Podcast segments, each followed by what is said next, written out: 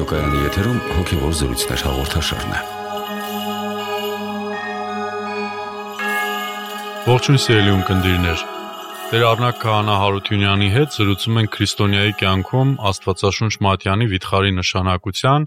եւ Սուրբ գրքի ընթերցանության առանձնահատկությունների մասին։ Օրնեցեք Տերեր։ Աստվածորդնի։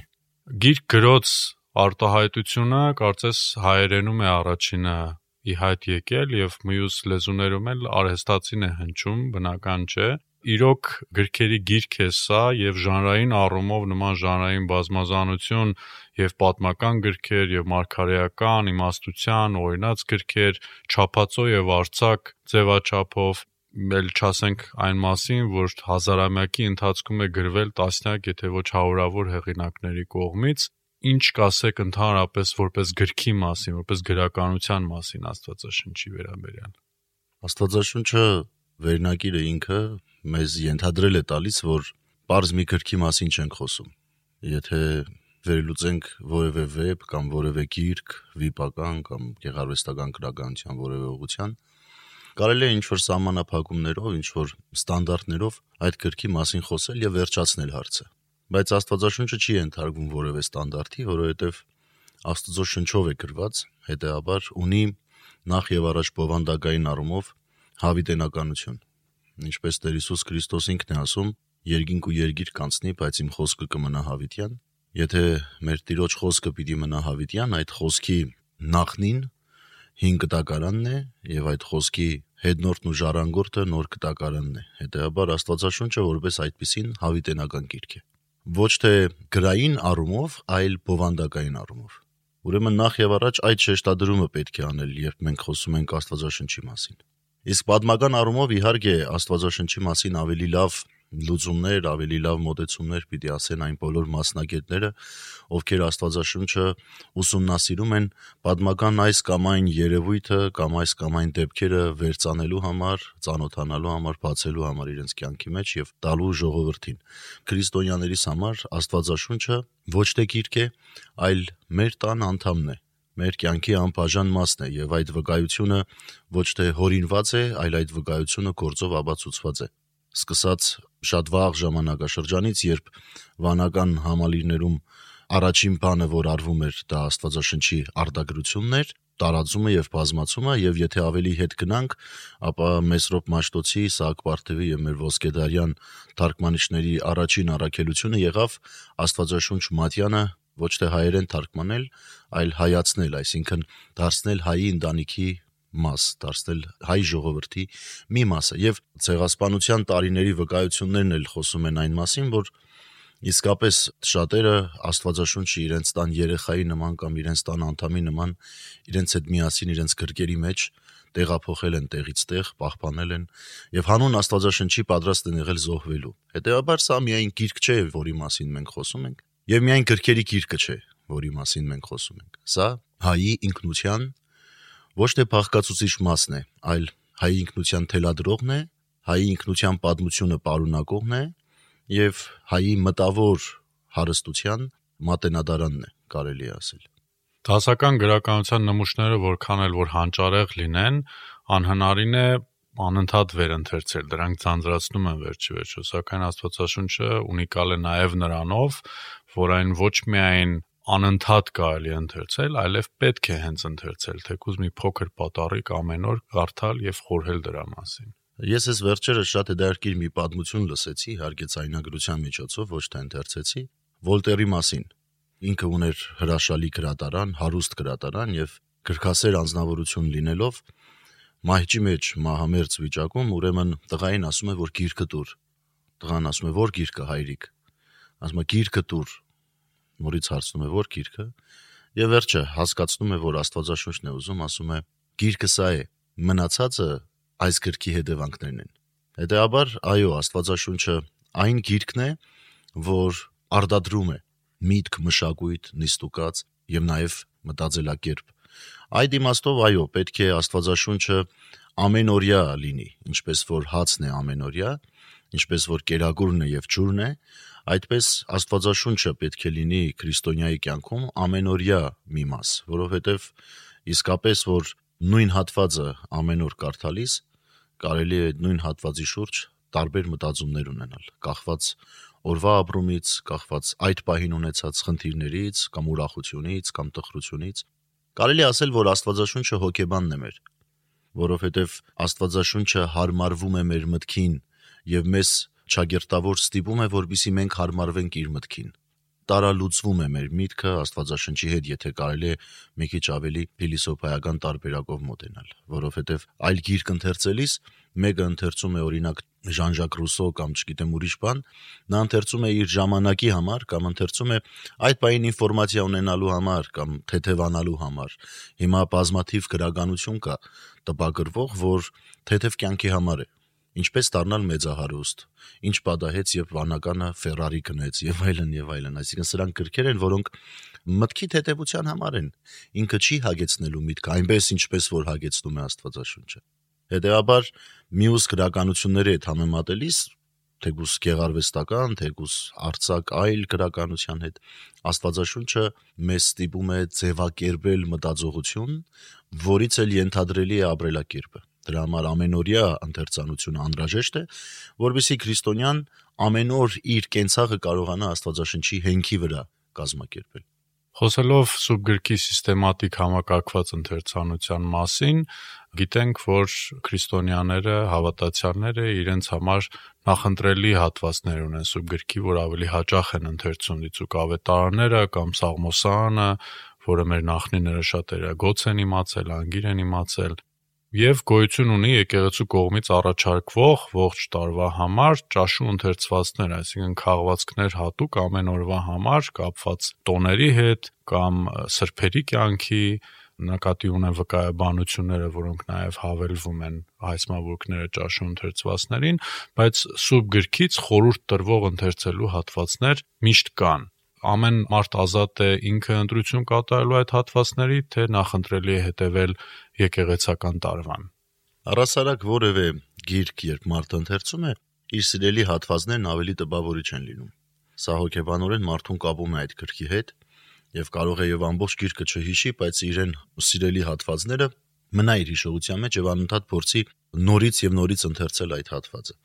Բայց Աստվածաշնչի պարագային որբիսի մենք կարողանանք պատկերացնել, թե ինչ է նշանակում հատվածաբար ընթերցում, մենք պիտի հասկանանք, թե Աստվածաշնչի մեջ ինչն է կարևոր եւ ինչը անկարևոր, եթե այդպես կարելի ասել։ Եթե կանոնին ենք անդրադառնում, անշուշտ կանոնը երկրորդականոն գրքեր էլ ունի, առաջնային գրքերից բացի։ Երկրորդականոն գրքերը այնպես չէ, որ կարևոր չեն,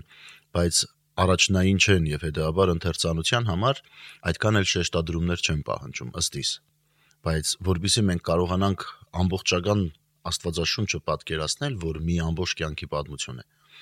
Ես իմ սուբյեկտիվ մոտեցմամբ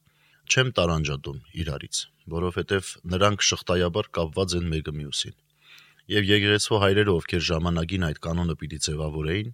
եւ այդ կանոնի մեջ փոփոխություններ պիտի մտցնեին, ըստ երևույթին հավանաբար տեսել են այդ ամբողջականությունը Աստվածաշնչի։ Գիտեք, երբ Աստվածաշունչը իմոտո է ընթերցվում, այնտեղ հնարավոր չէ այդ շղթան տեսնել Երբեմն հավատացյալը կկարդա թակավորների գրքերը եւ կասի որ ախր սա կապ չունի ավետարանի հետ։ Ուղղակիորեն։ Բայց երբ հերվից ես նայում ամբողջ փաթեթին, Աստվածաշնչի մատուցած փաթեթին, տեսնում ես, որ այդ նույն թակավորած գրքերի մեջ թաքնված է Քրիստոսի կերպարը, այն պատմությունը, որ նոր կտակարանի մեջ պիտի արտահայտվեր։ Այդ նույն օրինաց գրքի մեջ արտահայտվում է նոր կտակարանի սիրո պատվիրանը։ Այսինքն շղթայաբար մեկը մյուսին կապված են, բայց Ինչ վերաբերում է ընթերցանությանը, այո, ճաշու ընթերցումները հայրերի կողմից կազմված ենթադրում են հատվածներ, որոնք մեկը մյուսին էլ պատասխանում են, մեկը մյուսին էլ կապված են եւ այդ օրվա խորհրդին համահունչ են։ Լինի այդ օրվա սրբի տոնը, որի պատմության մեջ կարող է արտահայտվել դա, ինչպես օրինակ թարգմանիչների տոնին դրվում է ես եմ բարի հովիվը ինչքան հիշում եմ կամ մի ուրիշ ավետարանական հատված, որը համահունչ է այդ խորհրդին։ Ամեն դեպքում դա օգտակար է մարդուն, որ ամեն օր կարողանա մի փոքր պատարիկ ընթերցել Աստվածաշնչից, բայց վերջի վերջո, երբ տարին վերջանում է, չեն կարող ասել, որ մարդը Աստվածաշունչը ամբողջությամբ ընթերցեց։ Ահա դրա համար այդ ամեն ինչից զատ պետք է ամեն օր Աստվածաշնչի ընթերցում լինի, սկզբից մինչև վերջ, որովհետեւ ավելի պրակտիկ լինի։ Փորձը ցույց է տալիս, որ որոշակի մեթոդներ կան Աստվածաշնչի ընթերցման նոր սկսնակների համար, ովքեր մտքով ծանրանում են եւ դժվարություն ունեն շարունակելու, որտեղ հոգնեցուցիչ է դառնում իրենց համար գրվածքի ոճը, որ ավելի པարզ ոճ է, ավելի շփվող խոսակցական ոճի մեջ է շարադրված, հոգնեցնում է երբեմն։ Ահա դրա համար ես օրինակ երբ մարդկանց հետ խոսում, ես խորհուրդ եմ տալիս սկսնագին ընթերցել սկզբում նոր կտակարանը առանց հայտնության գրքի, հետո ընթերցել 5 տակարանի մեջ իմաստության գրքերը, մարգարեության գրքերը, օրենքը հետո նոր ծննդոցից սկսել, որpիսի այդ հոգնությունը չունենա իր վրա։ Բայց այն մարդը, ով արդեն մեկ անգամ անցել է Աստվածաշնչի այդ բոլոր փուլերի միջով, այո, լավ է, որ սկզբից սկսի կարդալ Աստվածաշունչը, որովհետև դա պատմություն է։ Այդ նույնն է, որ մենք օրինակ, եթե անդրադառնանք Նարեկ Աղոթամատյանին, կա սովորություն մարդկանց մեջ եւ կա տպագրության տարբերակներ, որտեղ վերջավորությանը նշվում է թե Նարեկի որ հատվածը ինչի համար է։ Եվ մարդը վերցնում է իր օրվա հոգսից ելնելով կամ իր այդ ժամանակվա խնդրից ելնելով այդ հատվածը ընթերցում է եւ վերջ համարեց, որ ինքը Նարեկ է կարդում։ Բայց Նարեկը կարդացվում է սկզբից մինչև վերջ, որովհետեւ սա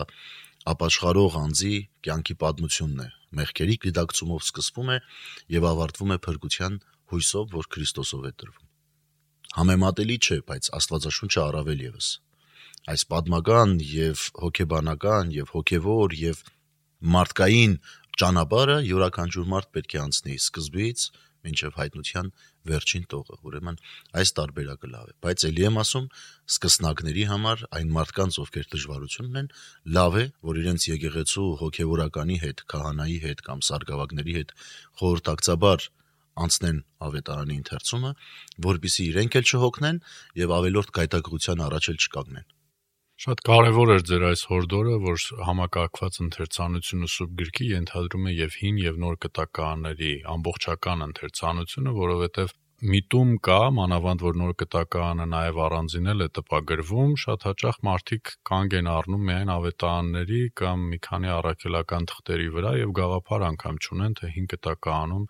ինչ է տեղի ունեցել այդ մարդ Աստված երկար հարաբերության պատմությանը ծանոթ չեն։ Մանավանդ որ քահանա հայրերն էլ շատ հաճախ քարոզների մեջ նախապատվություն տալիս են նոր կտակարանյան թեմաներին եւ կարծես թե այդ ողջ հսկայական տեղեկույթը Աստծո եւ մարդու այդքան առօրեական պատմությունները ուսուցողական մարգարեների, թակավորների եւ նահապետների դրանք դուրս են մնում մեր ուշադրության կենտրոնից։ Ասացիք նաեւ ձեր խոսքում, որ Աստվածային ներշնչման է բնականաբար սուրբ գիրքը գրված, ինչպես որ անունն էլ է վկայում, բայց չէ որ նույն չափով մարդն էլ է ներկա սուբգրքի մեջ, քանի որ աստվածային ներշնչման մարտիկ են վերջվերջո շարադրել այդ գիրքը, մարդկային գործոնն էլ աստվածաշնչի մատյաններում ներկա է դրա համար ամեն բառ բառացի չի կարելի համարել թելադրված աստծո կողմից կամ հենց աստվածային падգամ բառնակող աստվածաշնչի շուրջ այս տարակարծությունները միշտ եղել են աստվածաբանության դաշտի մեջ մանավանդ արևմտյան քննական աստվածաբանությունը որտեղ այո, քննվում էր, որ եթե մարդու կողմից է գրված, հետեաբար մարդկային ազդեցությունը մեծ է Աստվածաշնչի վրա եւ որբիսի մարդը կարողանա կամ գիտնական աստվածաբանը կարողանա հասկանալ թե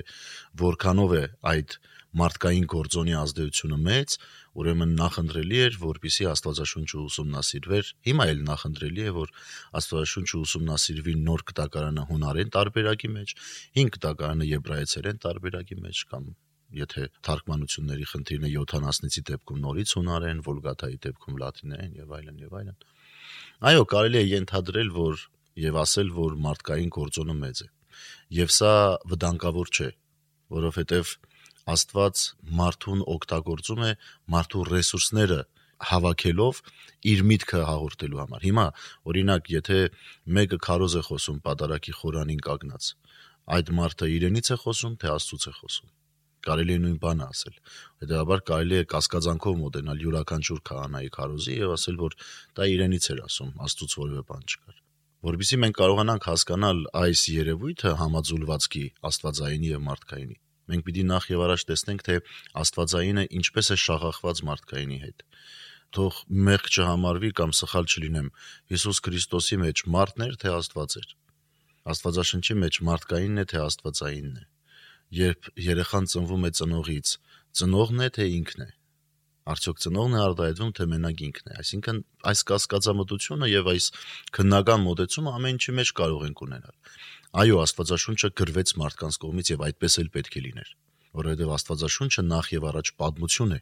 պատմություն է, այն ձեր ասած, մարդ եւ Աստված փոխհարաբերության հազարամյակների ընթացքում, թե ինչպես է մարդու հարաբերությունը փոփոխվում կամ ամրանում կամ թուլանում Աստծո հետ, եւ հետեւաբար որպես պատմություն պիտի շարադրվեր մարդու կողմից։ Մանավանդ 5 կտակարանի դեպքում, մանավանդ Թորայի դեպքում, Հնգամadzյանի դեպքում, որտեղ ես ընդունում եմ, որ Մովսեսի ձեռքի գործն է, եւ Մովսեսը պիտի այդ պատմությունը տար իր ժառանգներին Այսինքն սա նախ եւ առաջ իրենց ազգային խնդիրն էր տեսնելու այդ պատմությունը ճանաչելու թե որտեղից եկավ Աբ รา համը, ուր գնաց եւ ինչպես Իսրայելը ձևավորվեց։ Նոր կտակարանի դեպքում այո, մարդու ձեռքով պիտի փոխանցվեր դա,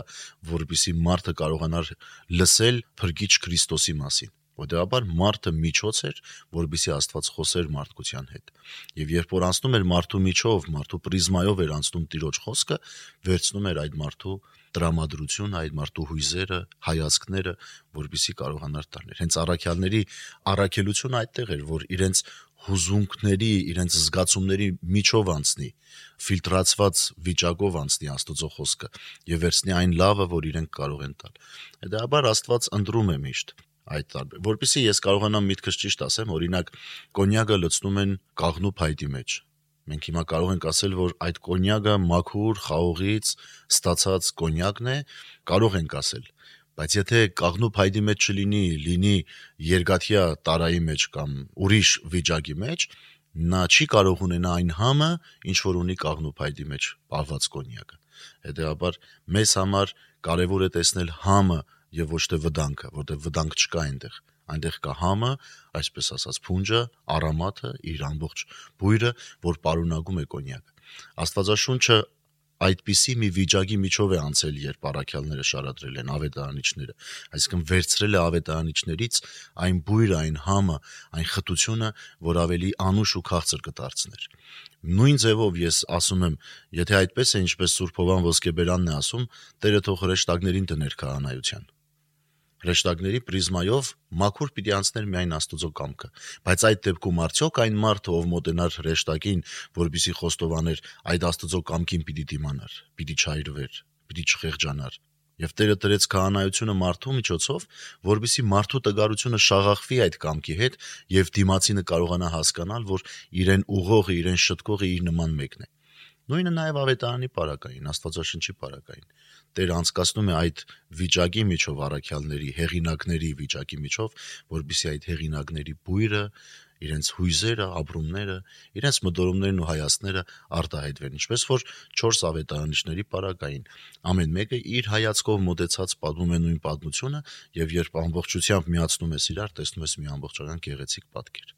Մարդու ներկայությունը եւ մարդկային գործոնը Աստվածաշնչում մենք մեկնաբանում ենք մեր ունկնդիրների հավատացյալների համար, որ เป զի Աստվածաշնչի որոշ դրվագներ ընթերցելիս գայթակղության մեջ պարզապես չընկնեն, չհասկանալով թե ինչպես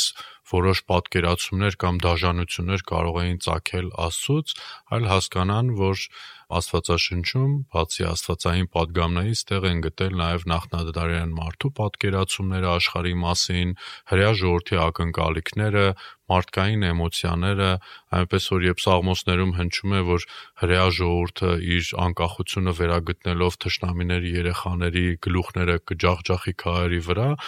դա պետք չէ ընկալել որպես հենց աստվածային падգամ կամ աստվածային կամք։ Ասում ենք, որ Աստվածաշունչը կարող է կյանքի ուղեցույց դառնալ։ Ամեն ինչում կյանքում կարելի առաջնորդվել Աստվածաշնչի այդ հազարավոր օրինակներով ուսուցողական Աստվածային հույսով, որ տրվում է Աստվածաշունչ մատյանում, բայց ճիշտ է մյուս կողմից ամեն ինչում Աստվածաշունչը վկայակոչել։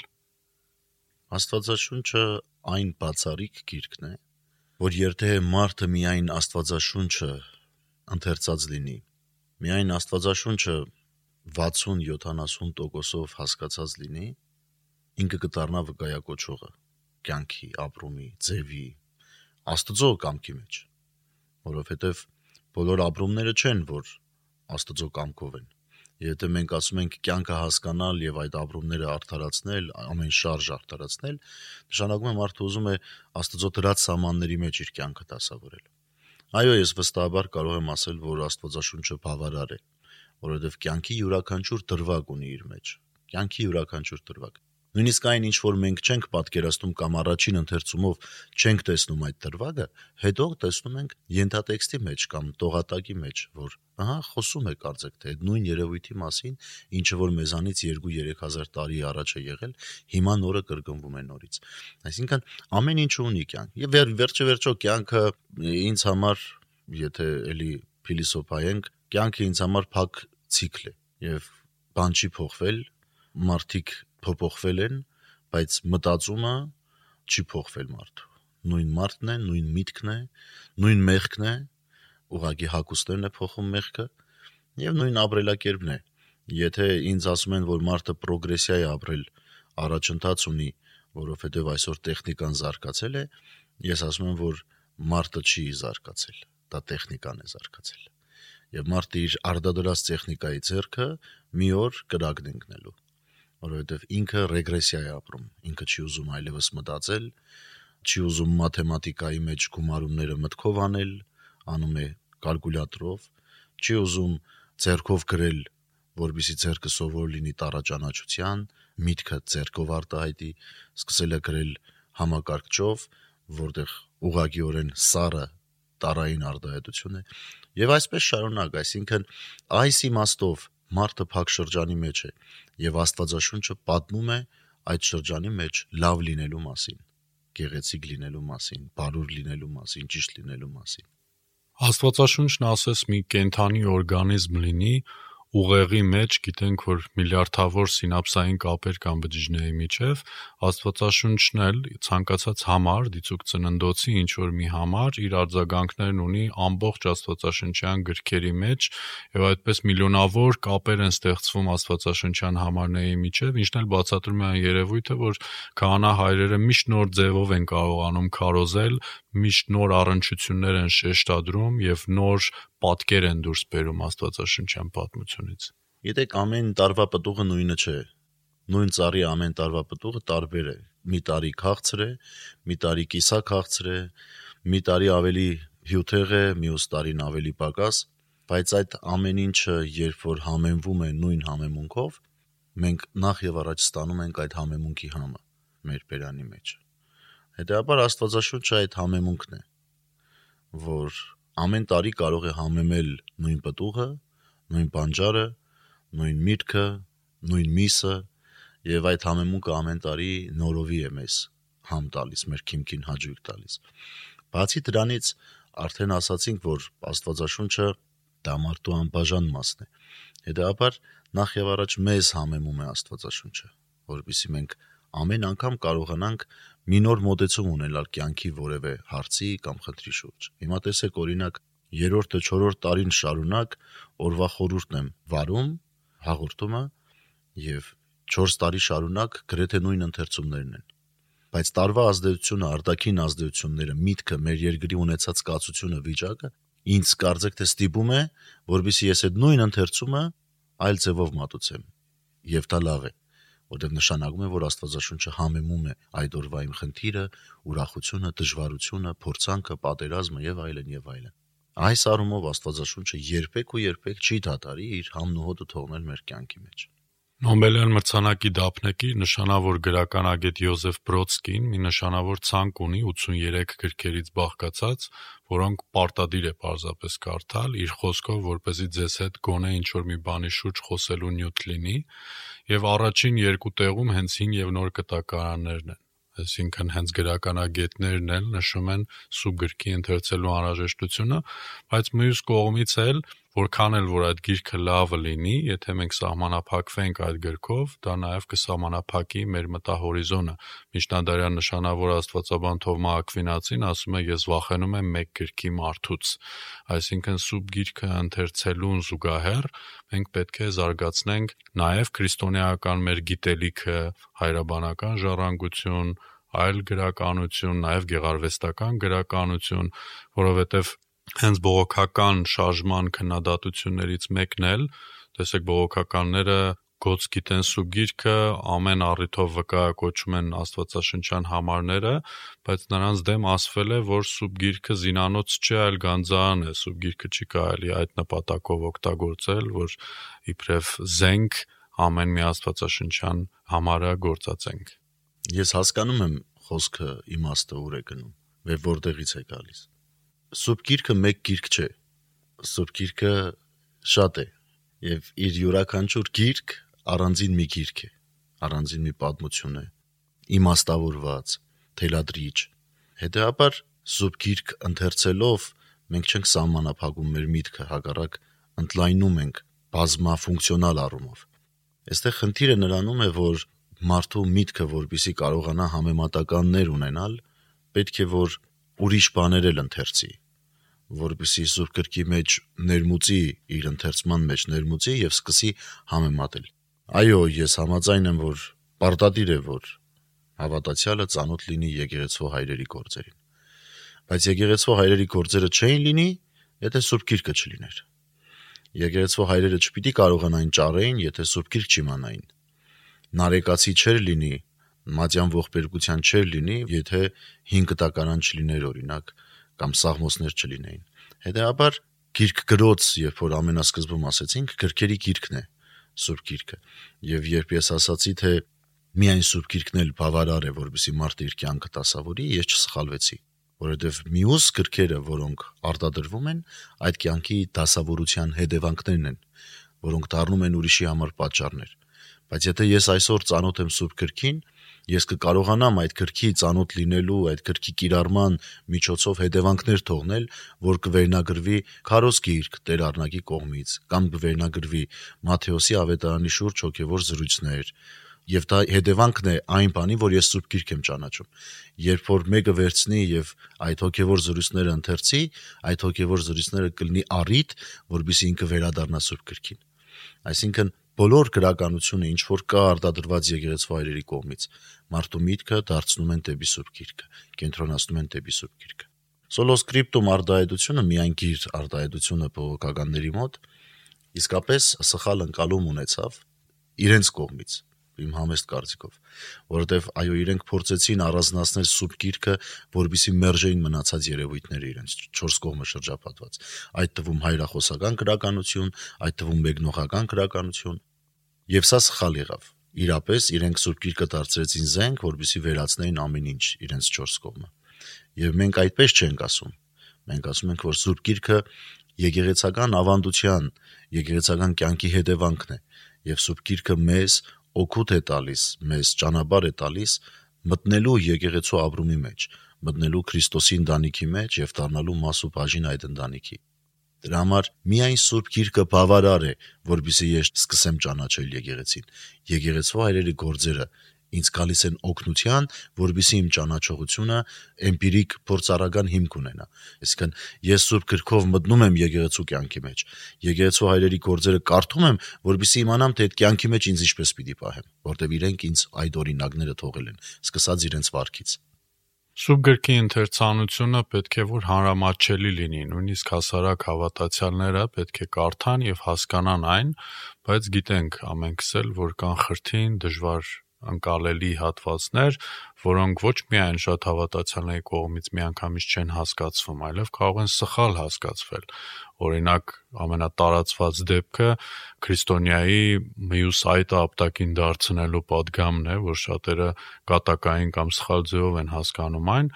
ում կամ ինչ աղբյուրների պետք է դիմի հավատացյալը Աստվածաշնչի ճիշտ մեկնությունը ստանալու համար։ Առասարակ Սուրբ Գիրքը ինքը գայտակղիչ գիրք է, մեծ կայտակություն կա իր մեջ եւ վեմքարի նման է, որ երբեմն կարող է մեկի համար դառնալ ճակատագրական։ Եթե ինքնագլուխ է Սուրբ Գրքի նկատմամբ մտածումը։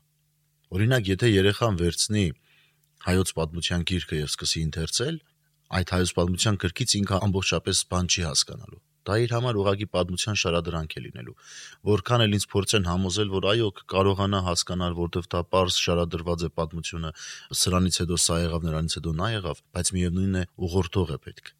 Գրականության դեպքում նորից ուղղորդող է պետք եւ որբիսի երեխան դաստիարակվի այդո երբ որ հասուն տարիքի հասնի եւ կարողանա այդ ճանապարհը անցած լինել ինքը կարող է վերցնել սևակ եւ շատ հեշտությամբ կարդալ եւ հասկանալ թե բարու սևակի ինչ նկատի ուներ այսինչ տողի մեջ եւ այլն բայց միևնույնն է առաջին փուլի համար ուղղորդող է պետք մարդ ով այդ փորձառությունը ունի եւ կարող է ինչ-որ ձևով նրան ավելի հաղորդակից դարձնել այդ երևույթին այդպես է նաեւ սուրբ գրքի ընթերցանության մեջ լավ է որ ուղղորդող լինի ընթերցողին այն մեկը, ով հմտացած է դրա մեջ։ Քչե շատ է, բայց հմտություն կա դրա մեջ։ Եվ մեր հոգեորականների առաքելության մի մասն է նաև Սուրբ Գրքի ուսուցումը։ Ես չեմ առանձնացնում, որ դա միայն վարդապետները պիտի անեն, դա միայն եպիսկոպոսները պիտի անեն։ Սա հոգեորականի առաքելություն է մանավանդ այժմյան Հայաստանի համար, որտեղ Սուրբ Գրքի բազմաթիվ մեկնման տարբերակներ կան, եւ մարդ այլևս չի հասկանում ով է ճիշտ, ով է սխալ Հետևաբար Սուրբ Գիրքը պետք է կարդալ այնտեղ, որտեղից ինքը ծնվել է։ Երեխան իր տան հայլին է, իր ծնողներին է արտահայտում մեր միջավայրի մեջ։ Սուրբ Գիրքը իր տան հայլին է, եւ Սուրբ Գիրքը ծնվել է եկեղեցու մեջ։ Հետևաբար պետք է գնալ եկեղեցու մեջ Սուրբ Գիրքը սովորելու, որբիսի տեսնել այն տունը, որտեղից ծնվել է եկեղեցին։ Եվ այդ տան մեջ Փառք Աստուծո բազմաթիվ մեկնողական գրականություն կա, որոնք գալիս են նեցուկ լինելու ընթերցողին, բացատրելու, հասկանալու եւ եթե անգամ չի հասկանում, քահանաները, հոգեորականները պետք է պատրաստակամ լինեն Սուրբ Գրքի որևէ հատվածի շուրջ, թեկուզ եւ տկար, թեկուզ եւ քիչ բացատրություն տալու ընթերցողին, որբիսի գայթակղություն հանգարց չլինի իր մեջ եւ ինքնակլխություն չլինի, որովհետեւ մենք տեսանք եւ այսօր էլ տեսնում ենք, թե ինչ է նշանակում, երբ մարդը կարծում է, որ ինքը ամենալավ մեկնիչն է Սուրբ Գրքի եւ սկսում է մարդ հավաքել իր շուրջը, անունը դնել ճակերտներով եկեղեցի եւ հետո այդպես շարունակել, գայթակղեցնել, շեղել ճանապարից մարդուն, հիմք վերցնելով որ տես Սուրբ Գրքի մեջ ասել է։ Ինչի, որտեվ ինքնագլուխ մեկնություն են տվել։ Ինքնագլուխ է եղել այդ ընթերցանության արդյունքը։ Ուրեմն մեր ժողովրդին իմ հորդորն ու խրատն ու խոսքն է, որ խուսափեք ինքնակլխությունից, մանավանդ Սուրբ Գրքի դեպքում որովհետև քիչ թե շատ այդ հոգեորականը 6 տարի ճեմարանում սովորել է։ Լավ թե վատ այդ հոգեորականին 6 տարվա ընթացքում հաստատ տված կլինեն այն մինիմալ գիտելիքները, որ ինքը կարողանա իր հավատացյալին որևէ բան բացատրել։ Եթե անգամ այս պահին ի վիճակի չէ բացատրելու, դա առիթ է, որբիսի այդ հոգեորական այդ պահին մի թեթևել անգամ ամաչելով, ասի որ գիտես վաղը արի կբացատրեմ եւ գնա այդ օրը իրիկունը տուն եւ սկսի ուսումնասիրել, որբիսի ինքն էլ բացի իր համար այդ չիմացած հատվածը։ Հետաբար ստացվում է, որ Սուրբ Գիրքը պատճառ եղավ, որ մենք էլ մեկս մյուսից օգնեցինք հավատացյալ քահանա եւ կարողացանք ապրեսնել Սուրբ Գիրքը մեր կյանքում։ Բայց եկեղեցուց դուրս իմ կարծիքով ես վստահ եմ իմ կարծիքի մեջ Սուրբ Գիրք ընթերցելը վտանգավոր է։ Շնորհակալ եմ հոգեշահ պատգամների համար Տեր Հայր, սրանք ուղղված են ամենքիս եւ հավատացյալներին եւ հոգեորականներին։ Մենք մեր ողջ կյանքում պետք է չզլանանք եւ բարբերաբար ընթերցենք սուրբ գիրքը, ոչ թե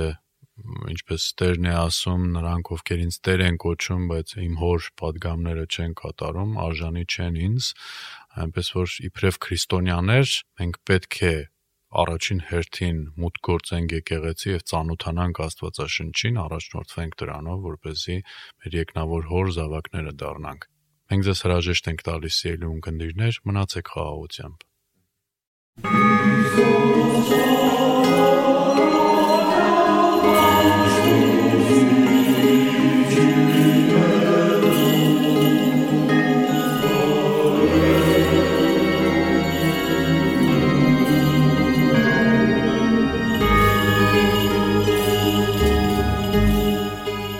Վեմ ռադիոկայանի եթերում հոգևոր զրույցներ հաղորդաշարներ։